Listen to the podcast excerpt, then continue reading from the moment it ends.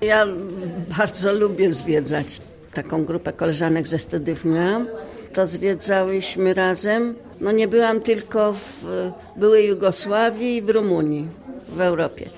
A poza Europą, no to tak Peru, Boliwia, Meksyk, Brazylia z Argentyną, Japonia, Chiny. No, w tym roku byłam w RPA. Safari mieliśmy i wioskę murzyńską. Tam te wyroby, jakie tam pokazywali, jakie robią tarcze, włócznie, też oglądaliśmy. Jeździła Pani na słoniu jakimś? Nie, ponieważ na słoniu byłam już w Indiach, w Nepalu. To cztery osoby wchodzą do takiego końca. I poganiacz taki ten, co prowadzi tego słonia. No.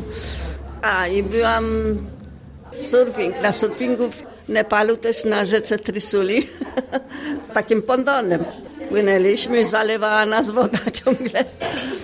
Sąsiadki to się dziwią, że mi się w tym wieku jeszcze chce jeździć, bo ja już mam 80 lat. A czy Niemcy Pani jakoś omijała podświadomie? Nieraz jeździmy do Niemiec, czasami nas zapraszają, to jakoś nie bardzo. Mogę się pogodzić i niezbyt kocham niemiecki naród. Wie pan, to się ciągnie latami, te wspomnienia. Się nie można pozbyć tego.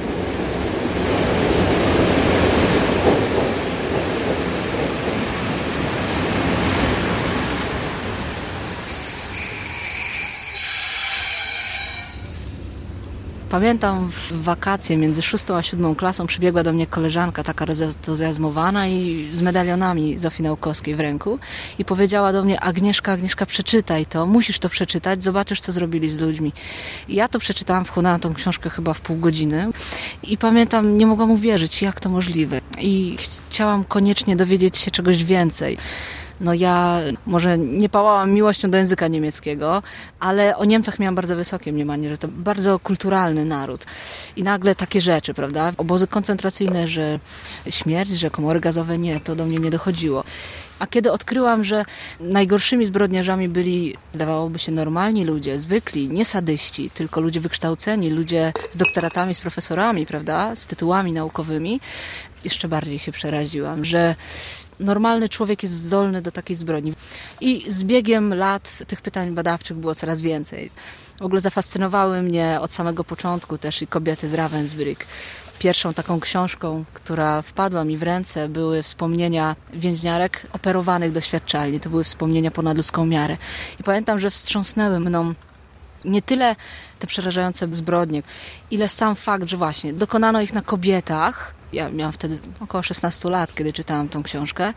I to było jeszcze niesamowite, że orety, przecież to są kobiety w moim wieku pani Pietrzyk miała, miała 16 lat, kiedy była poddawana eksperymentom, czyli była moją rówieśniczką, albo te dziewczyny były niewiele starsze. I to od razu mnie tak zbliżyło do nich. Pierwsze moje kontakty z byłymi więźniarkami Ravensbrück zostały nawiązane jeszcze w czasie pisania mojej pracy magisterskiej.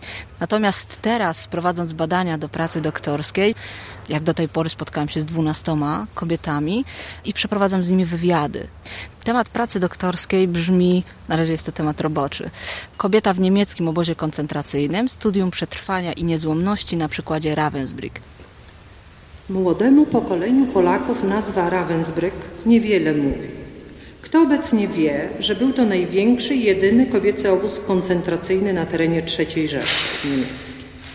Nieliczni też wiedzą, że zginęło w nim z powodu wycieńczenia, chorób, rozstrzeliwań i katorżniczej pracy 27 tysięcy Polek, że śmiertelność w obozie wynosiła 70%, że na 74 uczestniczkach polskiego ruchu oporu przeprowadzano zbrodnicze doświadczenia medyczne.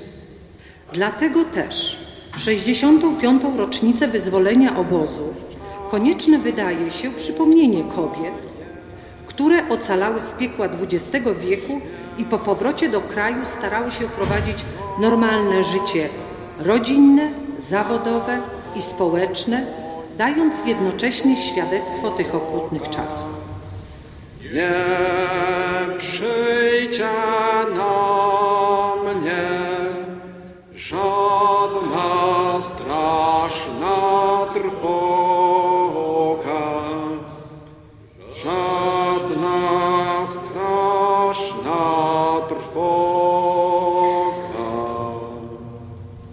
zdajemy sobie sprawę, że ci, którzy przetrwali różne doświadczenia, zawsze szukali jakiejś pomocy, opieki u Boga.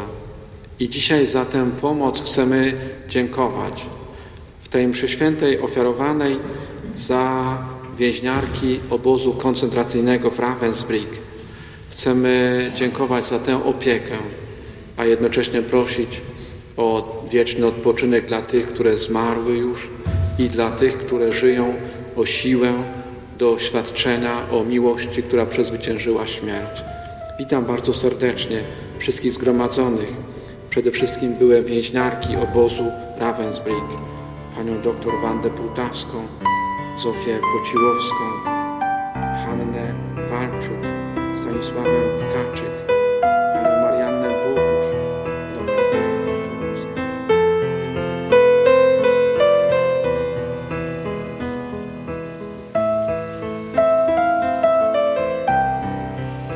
Szczególne wrażenie zrobił na mnie wywiad z panią Alicją Gawlikowską. Pani Alicja Gawlikowska jest przewodniczącą klubu Ravensbrück w Warszawie. Też pracuje jako lekarz, przyjmuje raz w tygodniu, działa w Fundacji na rzecz Pojednania Polsko-Niemieckiego. Tego nie było. A tak, zaczęliśmy mówić wcześniej o francuskach. Czy one między sobą były No solidarne? więc one były między sobą, bo one były wszystkie na jednym bloku. I ich nie ruszano jakoś. One to chyba paczki dostawały cały czas, no bo to z tej strony, bo u nas to tylko taki był okres, kiedy było. I one uważały się za, moim zdaniem, za coś trochę lepszego. Jakieś tam pokrewieństwa z różnymi ważnymi postaciami politycznymi, a one tu siedzą, prawda, wszystkie za niewinność. Natomiast mogę coś oczekać. Był to wywiad szczególny, dlatego że był bardzo konkretny. Przy okazji był to inny wywiad od wszystkich, ponieważ większość tych kobiet, one zostały wychowane przed wojną w takim systemie Bóg, honor, ojczyzna. I, I to jest niesamowite, że one do dzisiaj żyją według tych samych postaw i zasad moralnych. To na mnie robi niesamowite wrażenie, mimo Ravensbrück. I w związku z tym, no ten Bóg jest na pierwszym miejscu. I tu mogę powiedzieć, że u 99% tych kobiet Bóg jest na pierwszym miejscu. A u pani Gawlikowskiej może nie odgrywał takiej istotnej roli, prawda? Ona nie pokładała w Panu Bogu całej nadziei. To jest kobieta, która niesamowicie kocha życie. Świecą jej się oczy, kiedy opowiada o każdej chwili swojego życia, nawet teraz.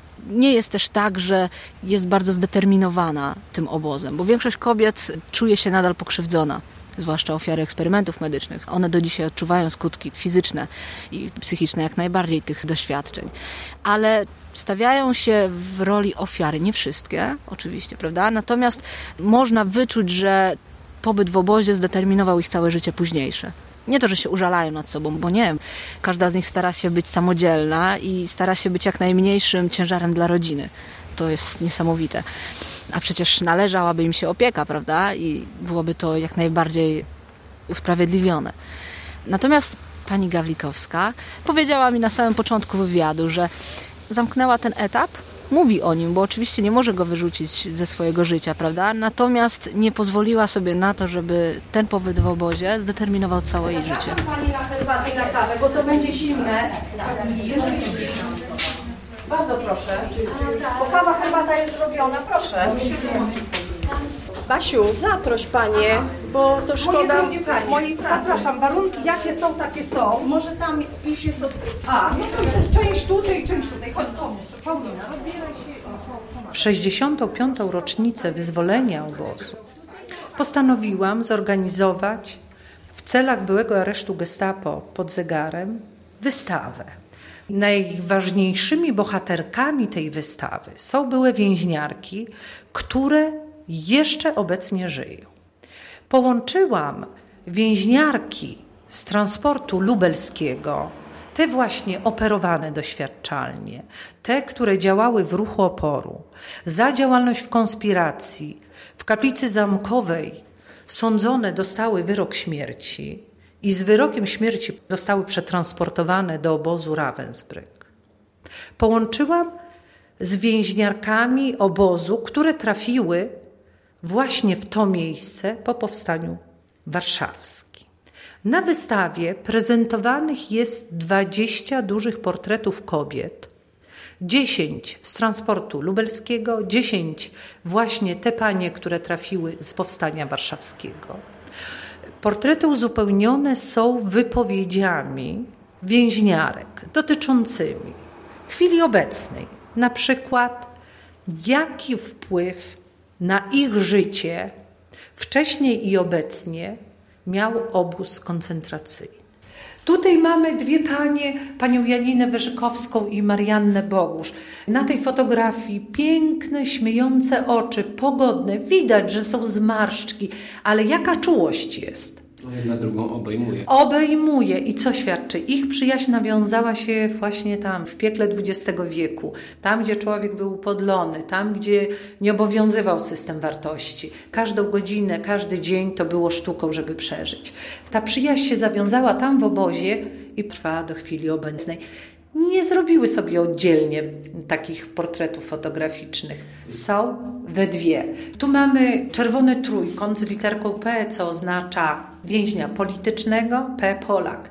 I tutaj są numery, obie panie na przykład mają.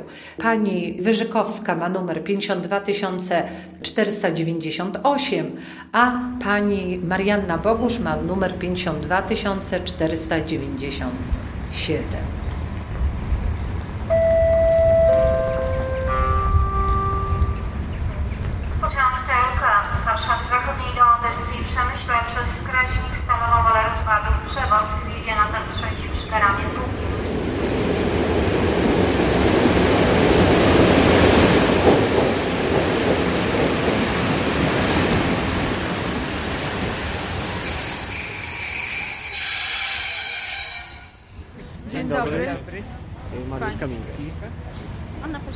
Hania Nowakowska, miło mi.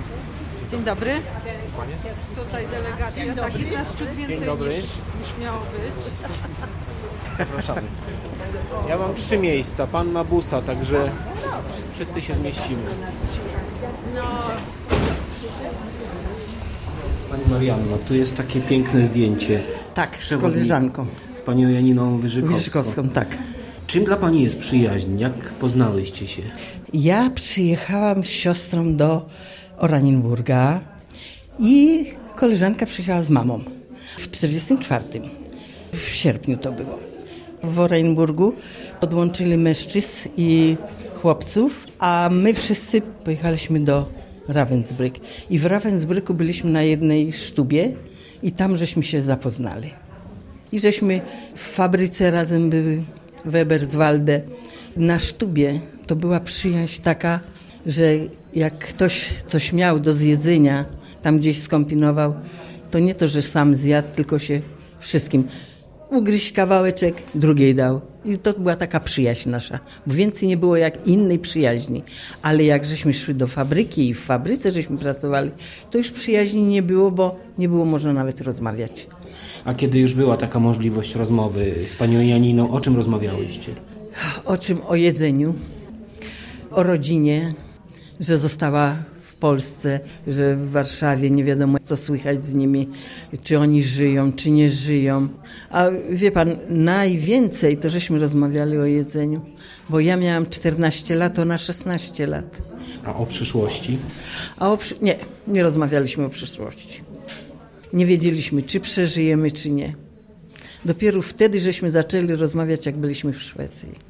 Szwedzki Czerwony Krzyż z obozu brał więźniarki do Szwecji. I właśnie my wszyscy transportem, który byliśmy w fabryce w Eberswalde, to nas przywiozły do Ravensbrücku, kazali nam zerwać numery, dali nam paczki takie małe amerykańskie, a w nocy nas wagony załadowali takie bydlęce i wiozły. Raz do przodu, raz do tyłu, bo to front był. I żeśmy się znaleźli w Danii. Dopiero nas wypuścili z tych wagonów i na prom do naga kazali nam się rozebrać, wszystko rzucić do morza i dopiero pod prysznic umyli nas, takim proszkiem sypali. No i do Malmę, do szkoły nas wzięli tam. A później była kwarantanna, żeśmy na tej kwarantannie były. To już wtedy o przyszłości, że do szkoły pójdziemy, że do Polski wrócimy, bo już nasi rodzice poszukiwali przez Czerwony Krzyż. Do listopada żeśmy byli w Szwecji. 45? Tak. I przyjechaliśmy do Warszawy w listopadzie. Jak żeśmy przeszły przez Wisłę, już na śródmieście, to nie to, że człowiek płakał, ale musiał płakać. Same gruzy były. Nie było gdzie zamieszkać. A jak y, pani radziła sobie z tymi przeżyciami obozowymi? W ogóle nie było rozmowy w domu o obozie. Y, Ja z siostrą nie chcieliśmy rozmawiać. Jak ktoś przyszedł z rodziny, w goście na przykład, i pytali się jak, co, to my żeśmy wychodzili. Dopiero w 1988 roku pierwszy raz przyjechałam do Niemiec, do Schwarzwaldu, do senatorium.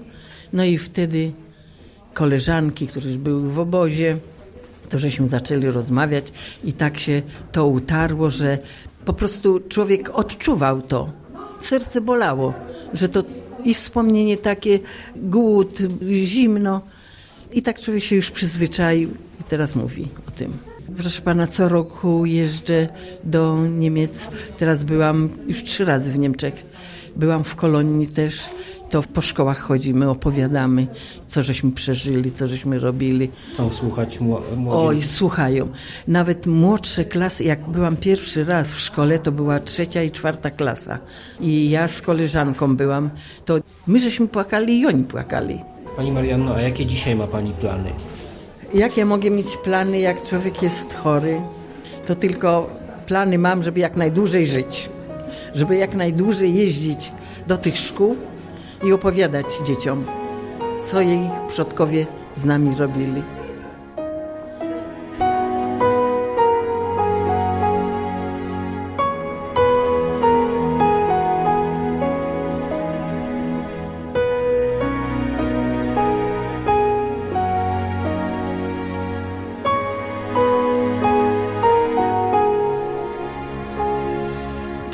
Przedwczoraj miałam wywiad z panią Wojciechą Zejskę i dowiedziałam się czegoś niesamowitego, że to taki paradoks, że ona po pobycie w obozie stała się lepszym człowiekiem.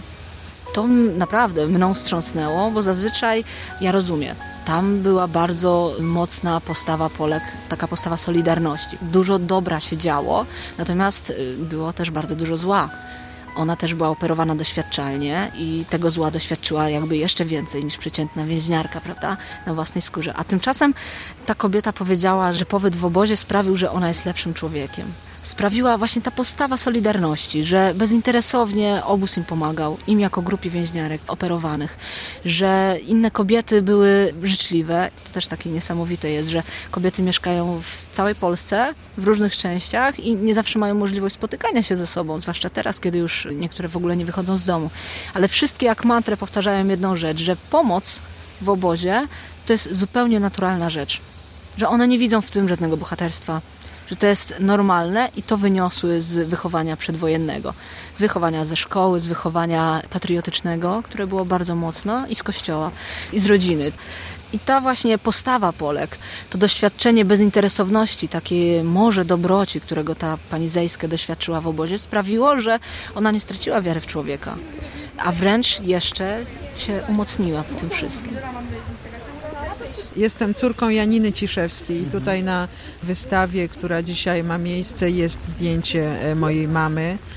Miała wtedy 16 lat i była w obozie z moją babcią, która już nie żyje. Zaczęła opowiadać od pewnego momentu. Wcześniej nie chciała o tym mówić. Myślę, że to były zbyt bolesne wspomnienia.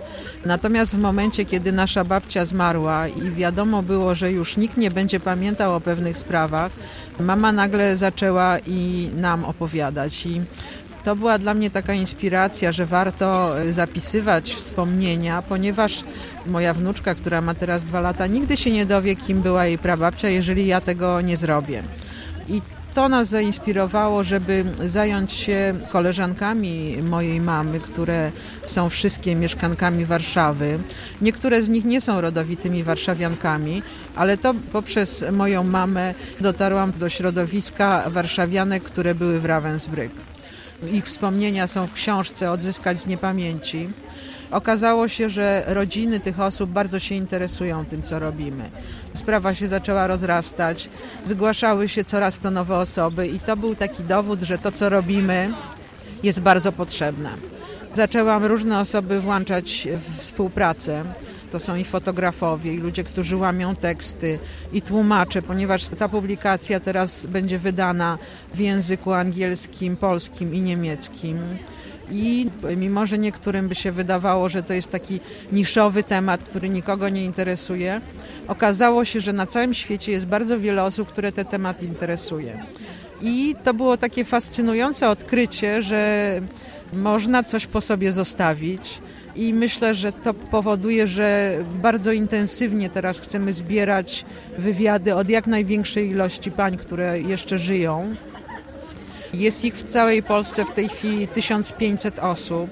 Chcemy to, co się uda zapisywać, bo nawet dzisiaj po tej mszy mam takie wrażenie, że młodzież jest pełna dobrych chęci, chce uczestniczyć w takich spotkaniach, jest zainteresowana naszą wspólną historią i trzeba znaleźć takie mosty porozumienia pomiędzy pokoleniami. Ja jestem średnim pokoleniem. Natomiast mam nadzieję, że moje dzieci dorosłe już i moje wnuki właśnie dzięki tej pracy będą wiedziały o tym, co było udziałem ich prababci, ich babci. I myślę, że wiele rodzin też potrzebuje takich wspomnień, bo czasami są osoby, które nie mówią w rodzinach o tym, co przeżyły. Natomiast jeżeli zobaczą to w książce, to myślę, że inaczej spojrzą na swoją mamę czy babcię. O to nam chodzi, na tym polega nasza praca. Te rozmowy były przeprowadzane przez inną osobę, która się spotykała z paniami, natomiast ja byłam tylko fotografem. Po prostu stwierdziłam, mój Boże, ja muszę to zrobić, bez względu na to, jaki będzie miało kształt. Uważałam, że to jest w ogóle jakaś wspaniała idea. Bardzo w ogóle chciałam poznać te panie i chciałam jakoś dotknąć historii, tego jakiegoś koszmaru z książek, z jakichś takich zdawkowych strzępów informacji, które do mnie docierały, bardziej może z wyobraźni. Chciałam się dowiedzieć czegoś i to była główna motywacja. Zdjęcia są jakby takim produktem ubocznym.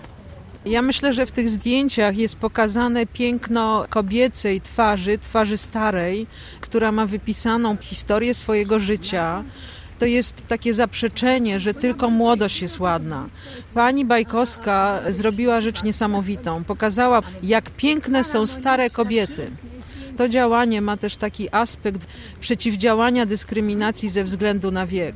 Chcemy to pokazać właśnie, że nie tylko są ładne młode dziewczyny z makijażami zrobione komputerowo, ale że błyski takiej radości i szczęścia są też w oczach osób starszych. W ich uśmiechach, w ich gestach, w tym, co one pokazują, bo niektóre portrety są takimi dwuosobowymi, jak gdyby portretami.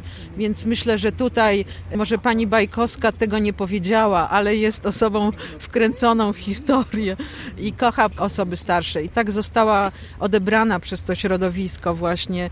Ten projekt miał też jeszcze taki aspekt, że potworzyły się przyjaźnie. I myślę, właśnie tu widać, że panie właśnie. się trzymają pod ręce. Ale jakaż to jest sympatyczne, miłe. Wszystkie panie, które poznałam są moimi drugimi babciami. O tak, to jest nasza wnusia kochana chętna do pomocy, nawet nie tylko zdjęcia zrobi. Może ci coś załatwić, może ci coś przynieść. No tak, może narzucam ci... się, narzucam pani Stasiu, ona nie chce mojej pomocy. Mówi, jakby to było przyjęte przez moje dzieci. Nie, nie, ale oszczędzam, żeby nam na dłużej starczyła. Dobrze, chodźmy, bo... Aha, właśnie, bo chodźmy, wszystko bo... zamoknie. O. Pani Stasia urodziła w Ravensbrück syna. O. Jakie błoto. I gdzie my mamy? Aha, tu chodzimy pani y, Stanisława Tkaczyk, która urodziła syna w Ravensbrück. Tylko dlatego syn przeżył, że został uratowany przez e, szwedzki Czerwony Krzyż. Tutaj na podstawie porozumienia hrabiego Bernadotte niektóre więźniarki trafiły właśnie tam do Szwecji. I rodzina z Warszawy pisała błagalne listy, żeby ona powróciła. Jak ona w Szwecji, mając świetne warunki, bo rzeczywiście ta opieka była bardzo dobra i medyczna, i nad dzieckiem, i nad nią, bo ona była wychudzona, wybiedzona, że kilka miesięcy ona musiała dochodzić do stanu jakiegoś takiego zdrowia. I ona postanawia wracać do Warszawy i cóż zastaje? W jednym pokoju mieszka kilkanaście osób, ona z małym dzieckiem. I tutaj egzystencja w ruinach. I takie pytanie, czy dobrze zrobiłam, że wróciłam do kraju? Pani Hanna Walczuk o numerze obozowym 63745 no trafiła oczywiście z powstania warszawskiego. Jej portret, jej piękne oczy zielone, w swetrze, które się odbijają, są pełne godności twarz. Pani, która straciła mamę w obozie, która sama mówi, że był czas, kiedy byłam numerem. Stara się tą wiedzę przekazać swoim wnukom, swoim wnuczkom. Czy pani czasami się śni ten Ravensbrück? Już teraz nie, ale z początku tak, bardzo często. Śniły mi się te wszystkie koszmary, które w obozie były. W styczniu był rozrobiony transport, mamy wywieźli, ślad po mamie zaginął, nie wróciła. Ojciec też nie wrócił. No ja jako ta czternastoletnia wróciłam sama do Warszawy. Poszłam tam, gdzie mieszkałam, Gruzy. Nie natrafiłam na nikogo z rodziny. Po prostu byłam u obcych ludzi. Dopiero po kilku miesiącach brat mój wrócił, osiemnastoletni. No i zaczęliśmy tak pomału swoje życie. Miała pani jakieś plany? Miałam wtedy 14 lat, ja w ogóle nie myślałam o tym, co będzie. Ja po prostu chciałam kogoś z rodziny spotkać. Ja liczyłam, że matka wróci, że ojciec mój wróci. No niestety nie wrócili. Ponieważ ja miałam dużo starszą siostrę od siebie, bo myśmy byli z dwóch ojców. Ona miała dzieci w moim wieku i ona wróciła, no jej było jej szczęście było lepsze, bo ona była u Bałora, też z powstania warszawskiego. No i ona potem mnie zabrała do siebie, po prostu byłam u niej, ona mnie nauczyła zawodu. Czym pani się zajmowała? Krawiectwo, krawcowa. Nie taka szwaczka, tylko krawcowa, która szyła na miarę poszczególnym klientom. Przez całe życie nawet do tej pory nie dają mi spokoju, mimo że mam jeszcze 80 lat. U nas w domu się bardzo dużo na ten temat mówiło, bo mój mąż jeszcze żyje, był w Oświęcimiu, miał wtedy 10 lat. Przeżyli ten obóz, wrócili. Myśmy dwa lata ze sobą chodzili. Ja nawet nie wiedziałam, że on był w obozie, ani on nie wiedział, że ja. Po prostu myśmy nie poruszali tego tematu. No a potem jakoś ja nie wiem, jak to się stało, że zaczęliśmy na ten temat mówić i nasza córka maleńka, to już ona wiedziała o tym i ona kiedyś nawet był taki moment, że ona nie chciała jeść zupy. Ja nie wiedziałam, że to tak do niej dotarło, że myśmy w obozie byli. Ja mówię, czego ty, Renatko, płaczesz? Bo ja nie chcę jeść takiej dobrej zupki, a mamusia z tatusiem chlebka nie mieli. I ona już to wtedy rozumiała. No a potem jak była starsza, jeszcze była panną, to ze mną pojechała do Ravensbrücku, jak było rocznica wyzwolenia. Bez namowy, ja tylko powiedziałam, jeżeli chcesz. Wnuczka tak samo. To latała po całym obozie, babciu, czy tylko ja mogę jakieś zdjęcia zrobić? Ja mówię, rób wszystko, co ci się tylko to podoba. Ja jeżdżę rok rocznie do Ravensbrücku. Rok rocznie powiedziałam, że dopóki będę mogła, w tym roku też byłam, to będę jeździła. Nawet kiedyś mąż mnie się zapytał, dlaczego ja tak jeżdżę. Ja mówię, ty masz grób swojej matki i ojca, a ja nie mam żadnego grobu. To ja jeżdżę tak, jakbym pojechała na grób swoich rodziców. I ten kwiatek do jeziora wrzucam. Wiemy, że prochy kobiet, które ginęły w obozie, były palone w krematorium i prochy były wyrzucane do jeziora. Ja byłam na takich uroczystościach w Ravensbrück w związku z 60. rocznicą wyzwolenia obozu. To był 2005 rok i widok był niesamowity, bo do tego jeziora wszyscy, którzy uczestniczyli w uroczystościach, wrzucali kwiaty. I w pewnym momencie tafla jeziora była pokryta kwiatami. To był widok niesamowity. To jest symboliczny grób wszystkich kobiet, które zostały zamordowane w Ravensbrück.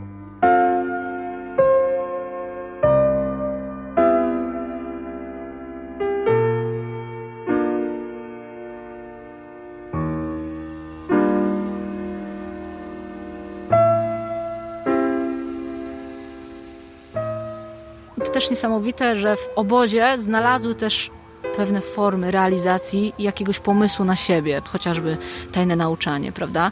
Gdzie niektóre dziewczyny, stykając się z astronomią, nauczycielki opowiadały o astronomii, w momencie, kiedy kobiety stały na apelu i nie wzeszło jeszcze słońce, gwiazdy były bardzo widoczne, więc była to praktycznie żywa lekcja astronomii, prawda? Więc była okazja rozbudzenia swoich jakichś tam pasji, prawda, czy marzeń. Inne kobiety znowu, chodząc na wykłady do pani Karli Landskorońskiej, miały możliwość zapoznania się z kulturą. To była niezwykle oczytana kobieta, profesor. Więc dawała w obozie wykłady z historii sztuki, z literatury. Otwierała młodym dziewczynom okno na świat prawda? Fascynowała ich literaturą antyczną, sztuką antyczną. To poszerzało bardzo horyzonty i ten pęd do nauki w obozie był naprawdę niezwykły. I wiele tych kobiet wybrało kierunek studiów, jeśli miały taką możliwość, prawda? Nie musiały iść do pracy, po obozie, właśnie ze względu na doświadczenia czy te fascynacje rozbudzone w obozie. Niektóre postanowiły zostać lekarzami, bo widziały ogrom zła i chociażby braku higieny w obozie i postanowiły zostać lekarzem, żeby pomagać innym. Tragedią jest tych kobiet, że one nie miały czasu na jakieś użalanie się nad sobą. One musiały albo iść na studia, chciały zresztą bardzo iść na studia, albo musiały stanąć od razu do pracy. I to sprawiło, że większość z nich bardzo późno poddała się leczeniu czy jakiejś formie rekonwalescencji. Chyba każda z nich założyła rodzinę. Oczywiście niektóre z nich miały kompleksy, zwłaszcza te kobiety, które miały blizny na nogach. Nie wiedziały, czy znajdą męża, czy jakiś mężczyzna się nimi zainteresuje. Całe szczęście udało się. No i zaczęły normalne życie. Tworzyły się koła byłych więźniarek, więc kobiety miały możliwość też spotkania się. Warto też wspomnieć o takiej pielgrzymce Ravensbriczanek. Było ich bodajże 63 albo 64. W zeszłym roku już nie było, ale od momentu wyzwolenia obozu, jeszcze panie w obozie, poprzysiągły sobie, że jeśli przeżyją, to będą co roku jeździły na Jasną Górę i dziękowały Matce Bożej właśnie za tą opiekę, za ocalenie. Nie słychać? Słychać, słychać. Tam słychać? Szanowni Państwo, chciałabym bardzo serdecznie przywitać na otwarciu wystawy i trzeba było żyć kobiety w KL Ravensbrück w 65. rocznicę wyzwolenia obozu. Dzisiaj tutaj, w tym miejscu, w dawnej siedzibie Gestapo gościmy panie, które były tutaj przesłuchiwane, trafiły do Ravensbrück, ale także gościmy panie, które z powstania warszawskiego trafiły do obozu koncentracyjnego Ravensbrück. Jest to celowe. Nie chciałam tylko pokazywać naszych lubelskich więźniarek, ale także pokazać te panie, które trafiły w końcowym etapie funkcjonowania obozu. Pierwszy okres funkcjonowania obozu trafiły więźniarki z transportów lubelskich. Z zamku do Ravensbrück było pięć transportów. Szczególnym transportem był transport z 23, znaczy on dotarł 23 września 1941 roku do Ravensbrück, bo właśnie z tego transportu 66 młodych dziewcząt, kobiet były zabrane do operacji doświadczalnych. Tutaj przedstawicielką tej grupy jest pani dr Wanda Półtawska. Ja to niechętnie mówię, bo moja kariera więźniarska zaczęła się tu właśnie, tam w tamtej celi, gdzie są portrety. A dla młodzieży wiadomości muszę powiedzieć, że szerzą się tylko o Ravensbrück, tylko jest to zasługą pani dyrektor Barbary Ratowskiej, która się tym zajęła i od tego czasu to jest miejsce, gdzie istotnie jest zebrana olbrzymia część pamiątek, tylko dzięki temu, że ona to zbiera. Jak ktoś umiera, to jak hiena jedzie zabierać po śmierci skarby, ale naprawdę chodzi o to, żeby pokazać młodzieży, że pokolenie każde ma swoje zadania do walki ze złem i że jest pokład duchowy. Ojciec Święty Jan Paweł II stawiał na młodzież. Wy jesteście moją nadzieją.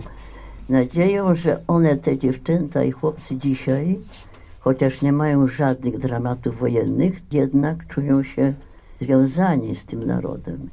To jest lekcja patriotyzmu tutaj w tym podziemiu. Z drugiej strony to jest też przestroga, co się może stać z człowiekiem. Bo ja tu, w tym miejscu, w tej piwnicy po raz pierwszy dowiedziałam się, że ludzie mogą być źli. Przedtem nie wiedziałam. Przedtem miałam życie wśród kochających, mądrych, dobrych ludzi. I jest to możliwość w każdym człowieku, ześlizgnięcie się w stronę zła i dlatego ta przestroga, pamiętajcie, że coś takiego było. Nie chodzi o to, żeby przypominać, co nam zrobili gestapowcy. Przypominać, co się może stać z człowiekiem. Popieram to miejsce, ile mogę. Teraz mniej, bo wyobraźcie sobie, jestem strasznie stara przecież. Teraz należę do najstarszych. Pani Władka Sikora z Cieszyna właśnie niedawno świeżo umarła I parę dni przed śmiercią dzwoni do mnie, mówi, słuchaj, dzwonię cię pożegnaj, bo umieram za parę dni, więc się spotkamy w niebie, ale ci posłałam nagranie ostatnie, które były i też poszłam do Basi Oratowskiej. Dostałam już po śmierci właśnie. To miejsce jest dowodem, że człowiek może być gigantem ducha i może być zbrodniarzem gorszym niż sobie wyobraźnia ludzka może dyktować.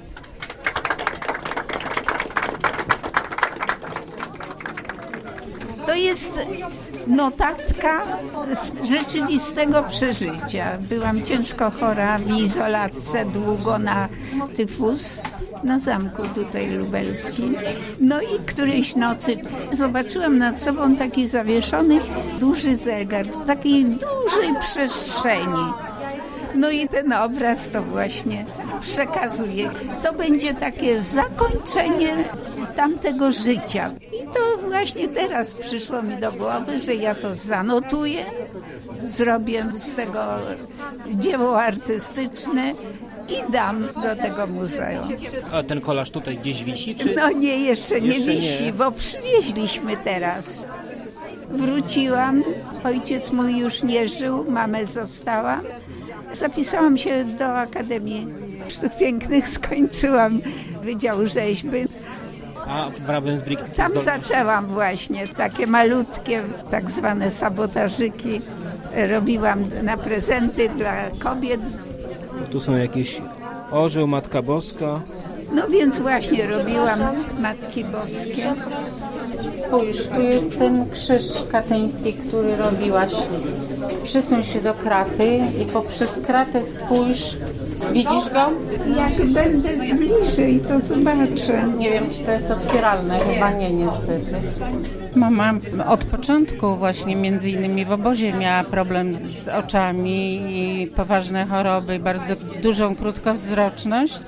No ale i tak dzielnie do dzisiejszego dnia pracuje, maluje, rzeźbi, głównie rzeźbi, no bo według mnie to jest taka próba pokazania takiego sprzeciwu przeciwko temu, co przeżyła, czyli nie do końca ucieczka.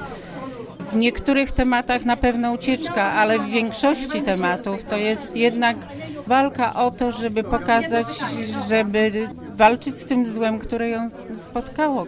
Trudniej jej opowiadać o tym, prawie wcale nigdy nam na przykład nie opowiadała o tym i dopiero od niedawna, jak gdyby przymuszona trochę tymi pytaniami różnych osób, które chcą wywiadami, chcą ludzie po prostu wiedzieć, bo to jest jeszcze żywa historia, prawda? I dopiero teraz zaczyna trochę mówić, ale generalnie w ogóle nie mówiła, ale właśnie te jej prace to są pomniki martyrologiczne w tych miejscach, gdzie to się dokonało, które mówią o tym, żeby wszyscy widzieli, że to jest taki właśnie sprzeciw, taka jej forma walki ze złem. Mam takie szczęście, że robię to, co kocham. Ja jestem stworzona do rozmawiania, bardzo lubię się spotykać z ludźmi, ale też traktuję swoją pracę badawczą, swój doktorat jako formę ubogacenia siebie. Natomiast spotkanie z takim bezpośrednim świadkiem historii wpływa na mnie niesamowicie y, i kształtuje swoją postawę historyczną, patriotyczną. No, daleka jestem od stwierdzenia, żebym teraz wiedziała po tylu latach nawet zainteresowań obozowych, co ja bym zrobiła w tamtej sytuacji. Bo prawda jest taka, że dopóki bym się nie znalazła w takiej sytuacji, to nie wiem, jakbym postąpiła, mimo wszystko. Ale mam już gotowy wzór ludzi, którzy, kobiet, które pokazały mi, że nie można się poddać. Nie warto się poddać, że można być człowiekiem, przeżyć godnie taki czas ekstremalnych warunków.